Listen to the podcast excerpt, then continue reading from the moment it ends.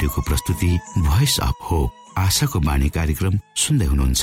कार्यक्रम प्रस्तुता म रवि यो समय तपाईँको साथमा छु। हामी यहाँलाई हाम्रो कार्यक्रममा सहभागी हुनका लागि अनुरोध गर्दछौ। हामी साँचो परमेश्वर तपाईँलाई माया गर्ने परमेश्वर तपाईँलाई उद्धार गर्न चाहने परमेश्वरका विषयमा जानकारीहरू प्रस्तुत गर्ने क्रममा छौ। सुरुमा सुनौ यो आत्मिक भजन।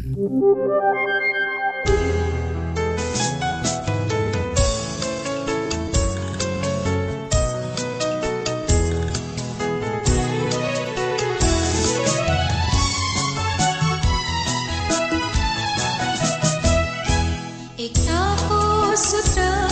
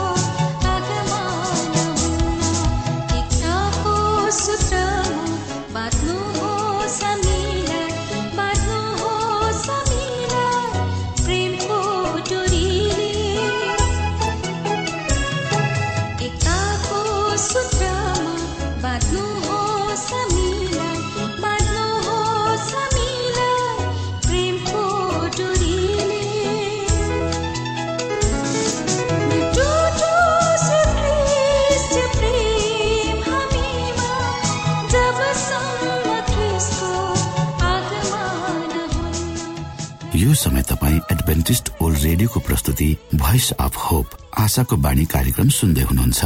श्रोता मित्र यो समय हामी पास्टर उमेश पोखरेलबाट आजको बाइबल सन्देश सुन्नेछौ। श्रोत साथी न्यानो अभिवादन साथ म तपाईँको आफ्नै आफन्त अर्थात् पास्टर उमेश पोखरेल परमेश्वरको वचन लिएर यो रेडियो कार्यक्रम मार्फत तपाईँहरूको बीचमा पुनः उपस्थित भएको छु। मलाई आशा छ तपाईँले हाम्रा कार्यक्रमहरूलाई नियमित रूपमा सुनेर परमेश्वरका आशिषहरू प्राप्त गर्दै हुनुहुन्छ। श्रोता आउनुहोस् तपाईँ हामी केही समय आज पनि परमेश्वर सँगसँगै बिताउनेछौँ। आजको प्रस्तुतिलाई पस्कनुभन्दा पहिले आउनुहोस् म परमेश्वरमा अगुवाईको लागि बिन्ती राख्नेछु। जीवित जिउँदो महान दयालु परमेश्वर प्रभु हामी धन्यवादी छौँ। यो जीवन र जीवनमा दिनुभएका प्रशस्त आशिषहरूको लागि। यो रेडियो कार्यक्रमलाई प्रभु म तपाईँको हातमा राख्दछु। यसलाई तपाईँको राज्य र महिमाको प्रचारको खातिर यो देश र सारा संसारमा पुर्याउनुहोस्। त्यसबाट तपाईँको महिमा होस्। धेरै मानिसहरूले तपाईँको राज्यमा प्रवेश गर्न सक्नु सबै बिन्ती प्रभु यीशुको नाममा। आमेन।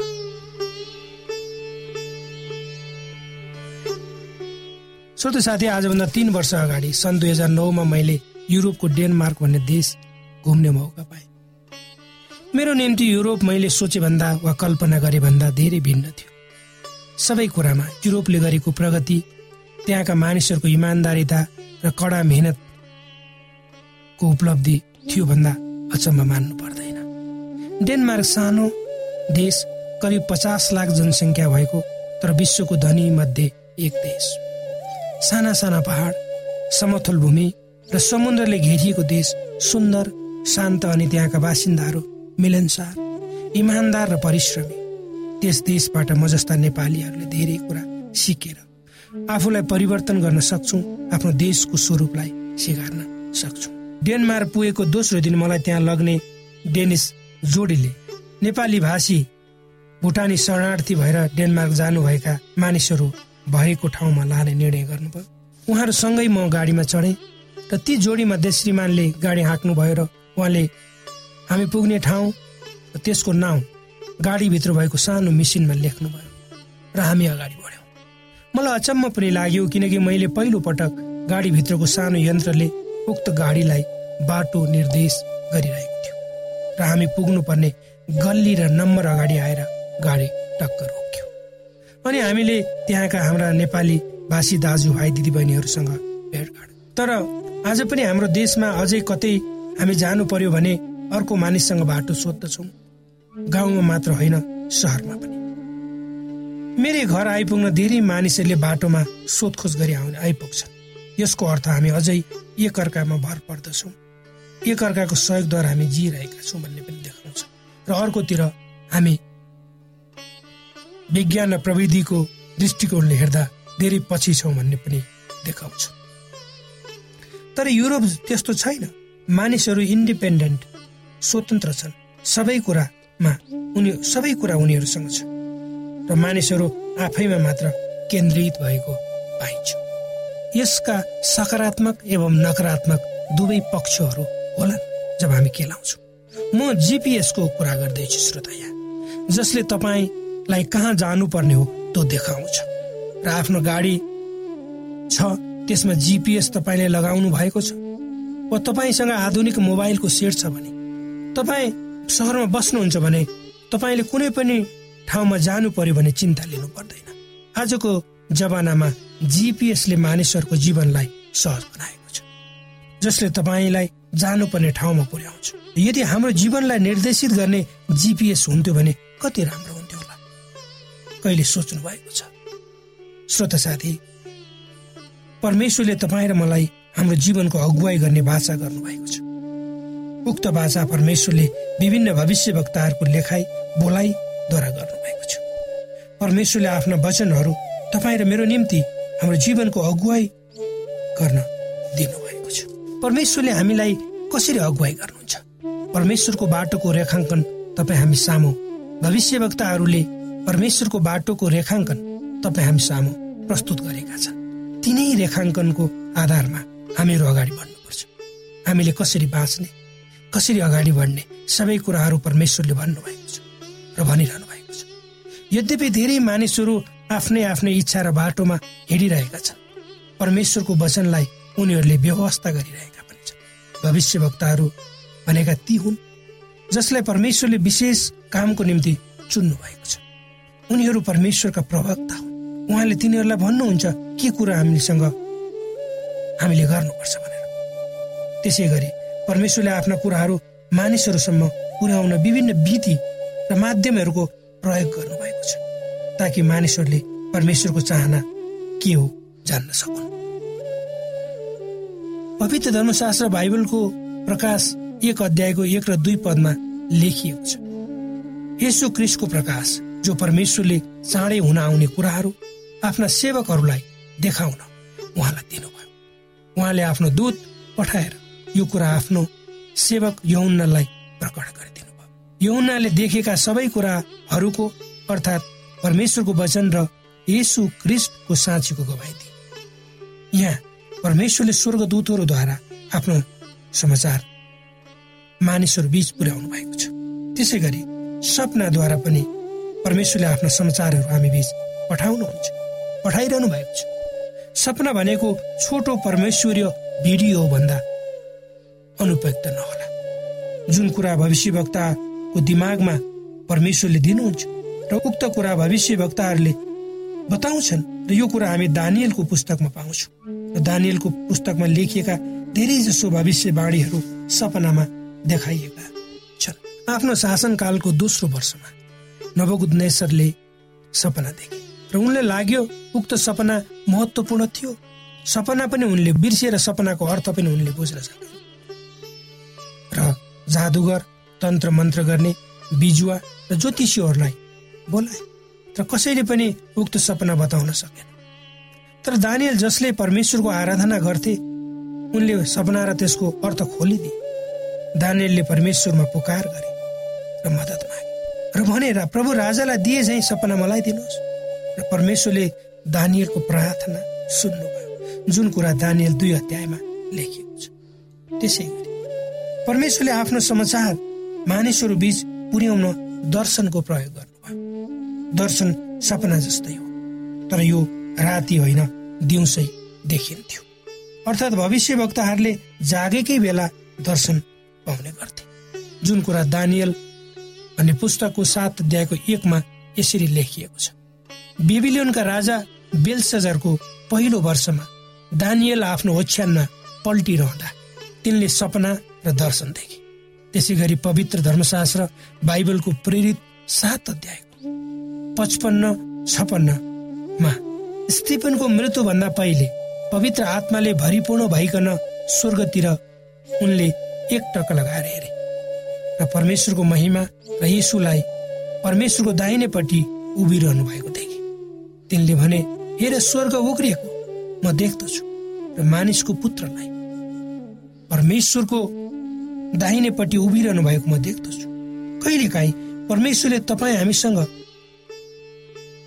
वा भविष्य वक्ताहरूसँग आवाजद्वारा कुरा गर्नुहुन्छ अर्थात् उहाँको मन्द आवाज मात्र हामी सुन्छौँ। त्यसै गरी पवित्र धर्मशास्त्र बाइबलको व्यवस्था चौतिस अध्यायको दसमा हेऱ्यो भने परमेश्वरले मोसासँग प्रत्यक्ष कुराकानी गर्नुभएको कुरा हामी त्यहाँ देख्दछौँ। तर सबभन्दा महत्त्वपूर्ण कुरा यसुले नै परमेश्वरको सोच र वास्तविक तस्बिर हामी बीचमा प्रकट गर्नुभयो। किनकि उहाँ मानिस भएर मानिस बीचमा आउनुभयो र जिउनु भयो त्यसकारण हामीले परमेश्वरलाई यसुको जीवनद्वारा चिन्न सक्छौँ। किनकि परमेश्वरले आफ्नो समाचारहरू भविष्य वक्ताहरूको माध्यमद्वारा भिन्न भिन्न प्रकारद्वारा हामी बिच ल्याउनु भएको त भयो त। किनकि परमेश्वर हाम्रो जीवनलाई सही रूपमा अगुवाई गर्न चाहनुहुन्छ। त्यसको निम्ति हामी हिँड्नुपर्ने बाटोलाई निर्देशित गर्न चाहनुहुन्छ। परमेश्वरले यी वचनहरूद्वारा तपाईँलाई आशिष दिउन्।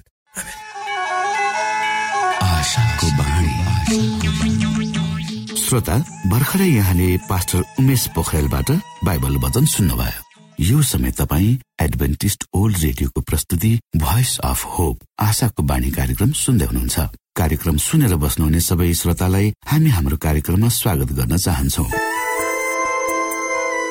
श्रोता मित्र यदि तपाईँ जीवनदेखि हरेस खानु भएको छ तपाईँका जीवनमा धेरै अनुत्तरित प्रश्नहरू छन् भने आउनुहोस् हामी तपाईँलाई परमेश्वरको ज्योतिमा डोहोऱ्याउन चाहन्छौँ। र तपाईँ आफ्नो जीवनका चिन्ता फिक्रीबाट निश्चिन्त हुनुहोस् र बाँच्नुको आनन्द परमेश्वरको सामिप्यमा कति मिठो हुन्छ त्यो चाख्नुहोस् भनी हामी चाहन्छौँ।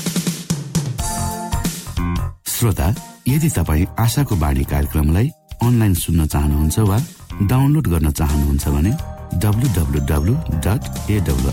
डट ओआरजीमा जानुहोस्। त्यहाँ तपाईँले प्रत्येक दिनको कार्यक्रम सुन्न र डाउनलोड गर्न सक्नुहुनेछ। हाम्रो वेब पेज यस प्रकार छ ओआरजी श्रोता यदि तपाईँ हामीसित सिधै फोनमा सम्पर्क गर्न चाहनुहुन्छ भने हाम्रा नम्बरहरू यस प्रकार छन्। अन्ठानब्बे एकसाठी पचपन्न शून्य एक सय बिस। अन्ठानब्बे एकसाठी पचपन्न शून्य एक सय बिस। र अर्को अन्ठानब्बे अठार त्रिपन्न पन्चानब्बे पचपन्न। अन्ठानब्बे अठार त्रिपन्न पन्चानब्बे पचपन्न।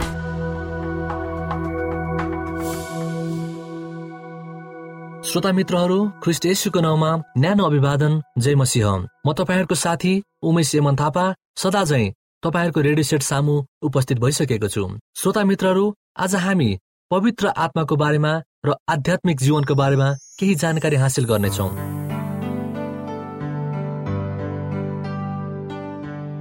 हामी धेरै जसोले यो सुनेका छौँ। मैले तपाईँलाई पिता पुत्र र पवित्र आत्माको नाउँमा बत्तिसमा दिन्छु।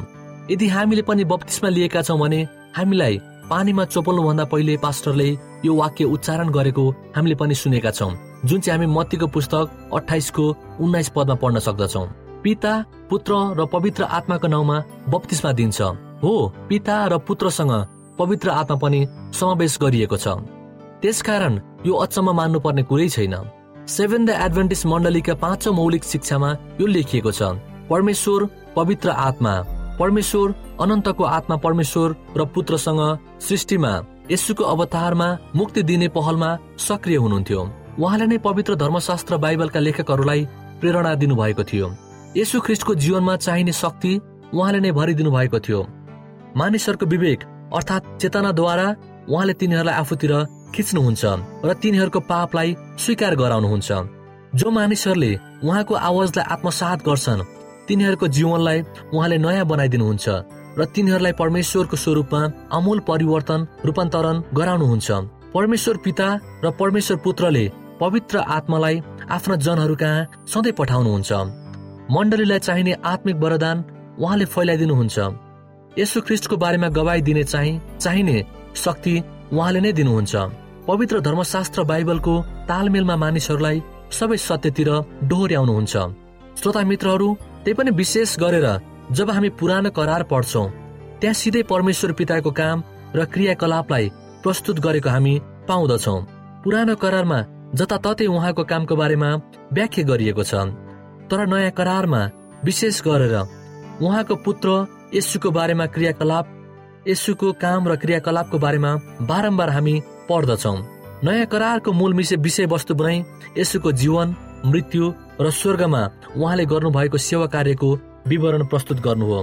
पुरानो र नयाँ करार जति पनि पिता र पुत्रको कामको बारेमा उल्लेख गरिएको छ त्यसको अनुपातमा पवित्र आत्मालाई त्यति उल्लेखनीय रूपमा प्रस्तुत गरेको पाइँदैन। तर पवित्र आत्मा ओझेल पर्नु भएको एक मूल कारण छ। त्यो हो पवित्र आत्मा सबैको ध्यानको केन्द्रबिन्दु हुन चाहनु हुँदैन। उहाँ प्राय जसो पर्दा पछाडि बसेर काम गर्नुहुने व्यक्तिको रूपमा चिनिनुहुन्छ। धर्मशास्त्र बाइबलमा परमेश्वर पिता र पुत्रको बारेमा सिधा प्रकट गरिएको छ। र त्यो किनभने पवित्र आत्माले आफूतिर होइन तर यसु र हाम्रो निम्ति यसुले के गर्नुभयो? सु हामीलाई ओल्याउन उत्सुक हुनुहुन्छ। श्रोता मित्रहरू यद्यपि जब हामी पवित्र आत्माको कामको बारेमा अध्ययन गर्छौँ तब हामीले यो पत्ता लगाउने छौँ कि हामीहरूको इसाई जीवन र अनुभवमा पवित्र आत्मा कसरी केन्द्रबिन्दु हुनुभएको थियो। पवित्र आत्मा आफै परमेश्वर भएको कारणले उहाँले जस्तो अरू कुनै नासवान मानव व्यक्तित्वले परमेश्वरको बारेमा थाहा हुँदैन। परमेश्वर विश्वासिलो र भरपर्दो हुनुहुन्छ भनेर उहाँले हामीहरूलाई बुझाउने तरिका प्रकट गर्नुहुन्छ। बाइबलका लेखकहरूलाई पवित्र आत्माले नै प्रेरणा दिएर बाइबल लेखाउन लगाएका हुन् भने ती लेखकहरूलाई ती सामग्रीहरू लेख्न उहाँले कसरी प्रेरणा दिनुभयो कसरी प्रेरणा गर्नुभयो भनेर त्यो हामीलाई सिकाउनु हामीहरूलाई उहाँले नै अगुवाई गर्नुहुन्छ। यसो ख्रिस्टमा हामीले मुक्ति पाउँछौँ भन्ने ठोकुवा गराउन पवित्र आत्मालाई नै सघाउनुहुन्छ। र परमेश्वरले हामीहरूको जीवनमा कसरी काम गरिरहनु भएको छ सो पवित्र आत्माले नै प्रमाणित गराउनुहुन्छ भनेर पहिलो योनाको पुस्तक तीन अध्यायको चौबिस पदले भन्दछ। हामीहरूको पापबाट पवित्र आत्माले नै चोखो पार्नुहुन्छ र हामीलाई पवित्र पार्नुहुन्छ। अनि हामीहरूलाई पुनर्जीवित पार्न पवित्र आत्मालाई खटाइएको हो। यस बिना यसु ख्रिस्टको बलिदान हाम्रो निम्ति बेकार हुन जान्छ। शताब्दीदेखि दुष्टता र पापको शक्तिको पकड यस संसारमा बलियो भइरहेको छ। र त्यसतिर मानिसहरूलाई आकर्षित गराएर र समर्पित गराएर तिनीहरूलाई बन्धनमा राख्ने काम अचम्म लाग्दो छ। श्रोता मित्रहरू पापको प्रतिरोध गर्न त्यसमाथि विजय प्राप्त गर्न केवल त्रिएक परमेश्वरको तेस्रो व्यक्तिको शक्तिशाली हस्तक्षेपले मात्र सफल हुन सक्छ। उहाँ कुनै सुधारिएको ऊर्जा लिएर नआई ईश्वरीय शक्तिको पूर्णतामा आउनुहुन्छ। यस संसारमा मुक्तिदाताले ल्याउनु भएको कामलाई प्रभावकारी रूपमा कार्यान्वयन गर्ने काम पवित्र आत्माकै हो भनेर सिस्टर एलएनजी वाइटले द डिजायर अफ एजेस भन्नेको पुस्तक पृष्ठ नम्बर छ सय एकहत्तरमा लेख्नुहुन्छ। प्रत्येक विश्वासीको जीवनमा पवित्र आत्माको भूमिका निर्णायक भएकोले हामीले उहाँको बारेमा अध्ययन गर्नु एकदमै जरुरी छ। हामीले पाएको पवित्र आत्मा जस्तो महान उपहारको बारेमा अझ राम्ररी बुझ्न र बुझाउन हामी एकअर्कालाई सहयोग गर्यौं। हस्त श्रोता मित्रहरू यो त भयो। पवित्र आत्माको विषयमा केही छोटो जानकारी। परमेश्वरले हामी सबैलाई आशिष दिनुभएको होस्। जय मसिंह धन्यवाद। कोभिड नाइन्टिनका सम्पूर्ण खोप वा भ्याक्सिनको सफल परीक्षण गरिएको छ। यी भ्याक्सिन लिनाले हामी गम्भीर बिरामी हुनबाट जोगिन सक्छौ। त्यसैले तपाईँ पनि यो खोप लिनुहोस्। यदि तपाईँलाई पहिले नै कोभिड पोजिटिभ देखिसकिएको छ भने तपाईँ यो खोप चाँडै नै लिनुहोस्।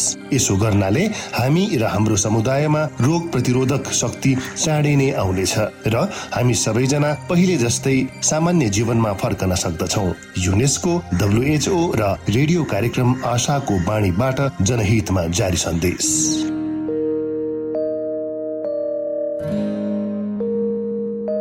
आदरणीय मित्र बाइबलले बताएको छ परमेश्वरले तिर्खाकाहरूलाई तृप्त पार्नुहुन्छ र भोकालाई उत्तम पदार्थले सन्तुष्ट पार्नुहुन्छ। हामीलाई दिइएको यो छोटो समय आशाको बाणीको प्रस्तुतिको समयमा हामीले हाम्रा श्रोताको आत्मिक भोकलाई केही मात्रामा भए तापनि सही प्रकारको खुराक पस्केर आत्मिक सन्तुष्टि दिन सकेका छौँ केही ऊर्जा थप्न सकेका छौँ भनेर हामीले आशा राखेका छौँ। आफ्ना मनमा भएका केही दुविधा र शङ्काहरू छन् भने अवश्य हामीसँग बाँडेर शङ्काको निवारण गर्नुहुनेछ र सही प्रकारको बाटो पहिलाउन सक्नुहुनेछ परमेश्वरको सच्चाइले अझ राम्रो बुझ्न सक्नुहुनेछ र आफ्नो जीवनलाई परमेश्वरमा पूर्ण समर्पित भएर समर्पण सहितको जीवन बिताउन सक्नुहुनेछ भनेर आशा राख्दै अब हामी हाम्रो कार्यक्रम सकिएको जानकारी यहाँलाई गराउन चाहन्छौ। जानुभन्दा अगाडि श्रोता हामी यहाँलाई हाम्रो ठेगानाको विषयमा जानकारी गरौं। हामीसँग पत्राचार गर्ने हाम्रो ठेगाना यस प्रकार छ। आशाको बाणी पोस्ट बक्स नम्बर दुई शून्य शून्य शून्य दुई काठमाडौँ नेपाल। आशाको बाणी पोस्ट बक्स नम्बर दुई शून्य शून्य शून्य दुई काठमाडौँ नेपाल। यसै गरी श्रोता यदि तपाईँ हामीसँग सिधै कुराकानी गर्न चाहनुहुन्छ भने हाम्रो फोन नम्बर यस प्रकार छ। अन्ठानब्बे एकसाठी पचपन्न शून्य एक सय बिस। अन्ठानब्बे एकसाठी पचपन्न शून्य एक सय बिस। र अर्को अन्ठानब्बे अठार त्रिपन्न पन्चानब्बे पचपन्न। अन्ठानब्बे अठार त्रिपन्न पन्चानब्बे पचपन्न।